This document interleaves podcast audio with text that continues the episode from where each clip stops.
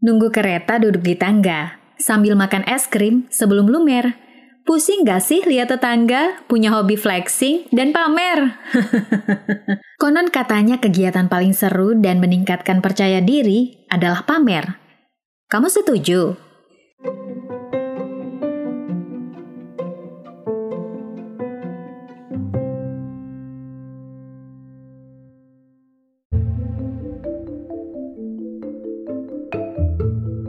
Episode ini adalah bagian dari tantangan 30 hari bersuara 2022 yang diselenggarakan komunitas The Podcasters Indonesia. Show off diperlukan buat branding. Kata sebagian orang sih, pamer adalah wujud validasi di tengah-tengah orang sukses. Mengia. Kira-kira apa sih yang mendorong mereka untuk berperilaku demikian? Hmm, kenapa ya mereka sering membuat orang lain yang ngeliatin justru ngerasa ngeri, bahkan prihatin?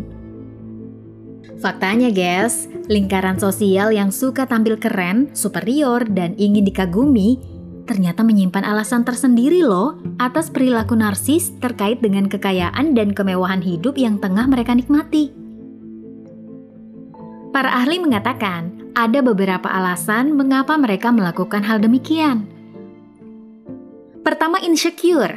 Ini menjadi alasan paling umum di balik penampilan orang yang sangat mencolok. Mereka pikir bahwa orang lain itu nggak nganggap dirinya penting, sehingga mereka mencoba membuktikan diri. Caranya ya dengan mencari perhatian, mulai dari hal-hal yang mereka punya, terus berulang sampai benar-benar diakui orang lain. Untuk bisa melewati masa-masa sulit, terkadang nih orang sesekali pamer demi membuktikan kepada dunia bahwa dia baik-baik aja. Perilaku ini cukup normal sih menurutku, asal dalam batas wajar dan gak dilakukan terus-menerus. Alasan kedua, orang yang melakukan kegiatan pamer itu biasanya pengalaman pada waktu kecil. Ini akan membentuk perilaku orang tersebut pada saat dewasa loh. Seperti contoh, jika seorang anak dihujani banyak perhatian dari orang tua dan orang-orang di sekitarnya, maka bisa jadi tuh ia terobsesi untuk bisa mempertahankan tingkat perhatian itu pada saat dewasa dan berakhir sebagai si tukang pamer. Menurut ahli psikolog Abraham Maslow, alasan orang suka pamer adalah butuh pengakuan atau aktualisasi diri.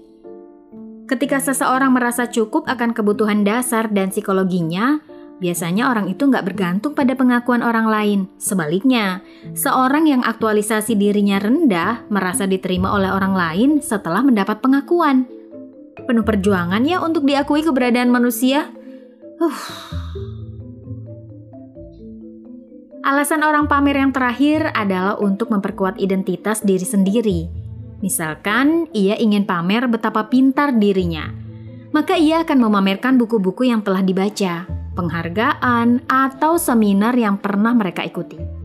Begitu juga saat mereka ingin memiliki identitas sebagai seorang yang pemberani.